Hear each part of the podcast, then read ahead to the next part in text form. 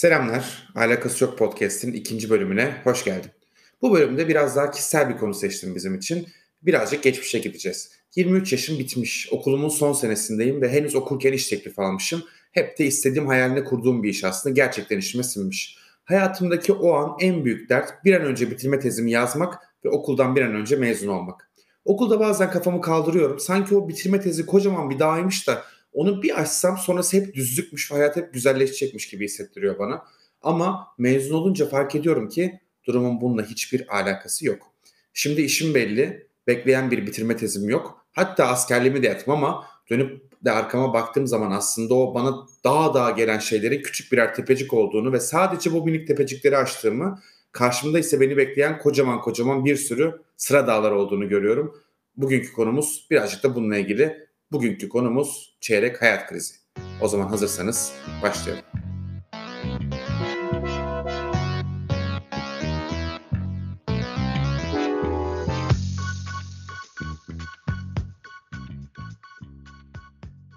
Çeyrek hayat krizi, hayatın gidişatı ve hayattan alınan keyifle ilgili kaygı duyan 20-35 yaş arası insanların yaşadığı bir kriz olarak tanımlanıyor. Tabi tıbbi bir teşhis asla koymamakla beraber hızlıca bu krizden muzdarip miyiz değil miyiz diye kontrol edebiliyoruz. Şimdi size ben birkaç tane soru soracağım. Beraber bunların cevaplarını düşünelim.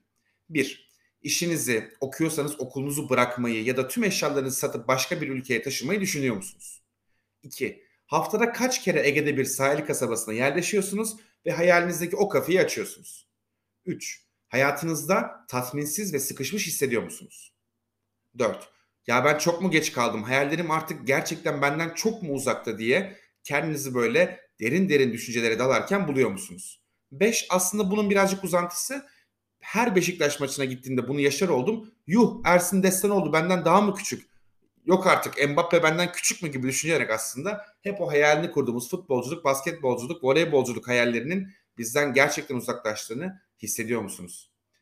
Bir sonraki sorumuz da aslında eskiden gece bayılana kadar içer sonra sabah dersime ayık şekilde giderdim. Şimdi iki kadeh içince hafta sonu mahvoluyor diye biraz daha böyle eskiye bir özlem duyuyor musunuz? Öncelikle soruların cevapları eğer evet ise seninle ilgili hiçbir yanlış bir şey yok. Sakın gerilme ve derin bir nefes al. Çünkü zaten günümüz Türkiye'sinde bu sorulara evet demeden yaşamak mümkün mü? Önce onu bir düşünmeni tavsiye ediyorum. Şimdi şöyle düşünelim beraber. 20'lerindesin. Belki bir üniversiteden mezun oldun, aile evinden taşındın ve hayalindeki işe başladın. Belki birini çok sevdin, bu kişi benim için doğru kişi dedin. Ama yine de akşam eve geldiğinde bir şeyler sana doğru hissettirmiyor olabilir. Bu çok normal. Oysa yaşıtın tüm dostların hayatlarından çok memnun gözüküyor bile olabilir. Belki kimisi evleneceği insanı buldu, kimisi evlendi hatta bazıları belki de çocuk çocuk sahibi oldu. E, ama aslında istatistikler bunun gerçekten bütün bir özet olmadığını gösteriyor. Çünkü istatistikler bize diyor ki 20-35 yaş aralığındaki insanlarda işsizliğin ve dipsel, dipsiz böyle bir kariyer düşüncelerinin anksiyetedeki birinci sebep olduğunu gösteriyor. Yani senin yakın böyle çevrendeki arkadaşların çok mutlu olsalar da genel bir Türkiye uzayına baktığımızda birinci anksiyete sebebi hala işsizlik ve dipsiz kariyer düşünceleri. Tabii şimdi çeyrek hayat krizinin de kendi içerisinde dört tane fazı var. İlki verilen bir sözle kendimizi hapsolmuş gibi hissetmek. Bu sosyal hayatınızla veya kariyerinizle ilgili olabilir. Kiraladığınız bir ev, mevcut ilişkiniz, işiniz sizi bir yetişkin sen sanki böyle bir evcilik oynuyormuş gibi bir rol yapmayı hissettiriyor. Bunu size zorluyor olabilir. İkinci aşamada ise bu sanki verdiğiniz sözü, bu yaptığınız evciliği e, terk etmek ve bunun üzerine birazcık yanlış, yalnızlaşmak süreci var. Yani yeni bir hobi bulmak ve biraz olsun tekrar sosyalleşmek olan üçüncü adıma geçene kadar ki bu derin yalnızlık bence süreçteki en zorlu kısım.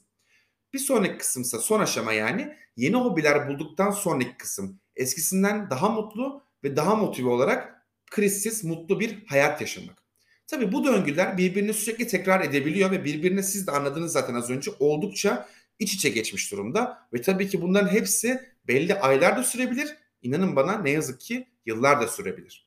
Happify'in yaptığı 88 bin üyesiyle beraber yaptığı ve stres seviyelerini düzenli olarak paylaştığı bir araştırmaya göre 25-34 yaş aralığı stresin en hızlı arttığı çoğu kullanıcıya göre hayat zorluğunun tabiri yerinde ise oyunlardaki expert moduna geçtiği yaş aralığı. O yüzden tekrar söylüyorum derin bir nefes al. hayatının en güzel geçmesi gereken en enerjik dönemlerindeymiş gibi hissettiğini biliyorum. Ama buna rağmen istatistikler bunun tam tersi olduğunu gösteriyor. Çünkü bir türlü hayatta aslında istediğimiz dengeyi bulabilmiş durumda değiliz. Ama hala hayallerimizi gerçekleştirecek enerjiye sahibiz. Sakın panik yapma. Bunların hepsini beraber yapacağız. Şimdi beraber düşünmeye tekrar devam edelim. Düşünsenize zor bir gün geçirmişsiniz. Dayamışsınız başınızı otobüsün camına. Kulaklarında şarj bitmiş. Arkada konuşan teyzelerin sesini duyuyorsun. Ah diyor bu şimdiki nesil diye başlıyor. Sonunu bir türlü getirmiyor. Ne kadar şımarık, ne kadar farklı olduğundan bahsediyorlar. Bir şeyleri yanlış yaptığına dair düşüncen tekrar hortluyor. Ve bu teyzelerin de onayıyla senin kaygın artık iyice artıyor. Senin ne kadar şanslı olduğundan bahsedip duruyorlar. Ama aslında şanslı olan sen değilsin onlar. Çünkü istatistiklere göre yine 30 sene önce depres depresyonun ortalama başlama yaşı 40'ların sonu 50'lerin başı iken artık bu sayı 25'li yaşlara kadar düştü ve önümüzdeki yıllara daha da düşmesi bekleniyor. Milenyum veya Z jenerasyonuna verilen iki garip isim daha var. Hani hep bu en fazla konuşulan günümüzde jenerasyonlar, şımarık jenerasyonlar tabiri caizse. Buna da Boomerang ve Peter Pan jenerasyonu deniyor. Peter Pan denmesinin sebebi belki hikaye hatırlayanlarınız vardır. Peter Pan büyümüyor. Peki neden bu şekilde isimlendiriliyor o zaman? Çünkü Z jenerasyonunun yetişkinliğe geçiş olarak görülen belli kilometre taşlarını diğer nesillere göre çok daha geç tamamladığını görüyoruz. Yani yine sorun sende değil, hepimizde. Eski jenerasyonumuza göre aile evinden daha geç ayrılıyoruz. Kendi arabamızı, evimizi daha geç alıyoruz. Hatta size küçük bir sır vereyim, alamıyoruz. E, daha geç evleniyoruz, daha çok daha geç çocuk sahibi oluyoruz. Hatta birçoğumuz çocuk sahibi olmak bile istemiyor çünkü nasıl yetiştireceğini bile bilmiyor. Aslında bunlar bizim garip olmamızın belli sonuçları değil. Bu kadar insan garip olamayız. Biz değişen sosyal şartlar yüzünden bu hale geliyoruz. Çünkü her geçen gün yaşam maliyeti artıyor. Almak istediğin telefon için bile artık kredi çekmen gerekiyor. İstanbul'da en ucuz evin kirası bile artık yaşanabilir bir evin kirası bile 20 bin TL'den başlıyor. ABD'de öğrenci kredisi borçları rekora koşuyor. Aslında özetle bırakın ev almayı, araba almayı hayatımızı her ay devam ettirebilmek için gerekli temel şartları bile zorlukla sağlıyoruz. Yani aslında ünlü bir e, teori var ya Maslow'un hiyerarşi teorisi. Maslow'un ihtiyaçlar hiyerarşisini de gösterdiği gibi evimiz, yemeğimiz belli bir seviyeye gelmeden büyüklerimizden, bizden beklentilerini karşılayamıyoruz. Biz de çok istemiyoruz tabii ki mezun olduktan sonra hani hani biz diplomamızı alınca her şey güzel olacaktı. Hani işe girince her şey güzel olacaktı. O zaman madem hayallerime ben kavuştum neden hala ailemle beraber yaşıyorum? Benim e, kariyerimin ilk yılında gerçekten sürekli sorguladığım ve beni derin depresyonlara iten bir süreçti.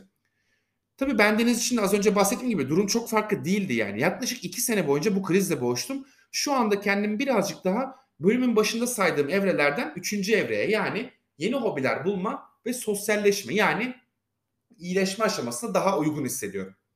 Motivasyonum ve hayattan aldığım zevk fazlaca arttı ancak hayatımı anlam arayışım devam ediyor. Çok uzun bir süre acaba doğru üniversitede miyim diye bunun kaygısını yaşayarak düşürdüm. Tabii bu kaygı benim ortalamamda diplerde görmeme sebep oldu. Sonra bir dakika ya ben buraya harika uyum sağlarım aydınlanmasıyla akademik kariyerimi hızlıca toparladım. Sonra tam staj ararken acaba pilot mu olsaydım ya beyaz yaka kariyeri ben beceremez miyim diye bir anksiyete kapısı kapımı anksiyete tekrar geldi ve kapımı çaldı. Bunu da acaba salak mıyım yoksa kafam çalışıyor mu diye görmem lazım diyerek kendimi motive ederek açtım.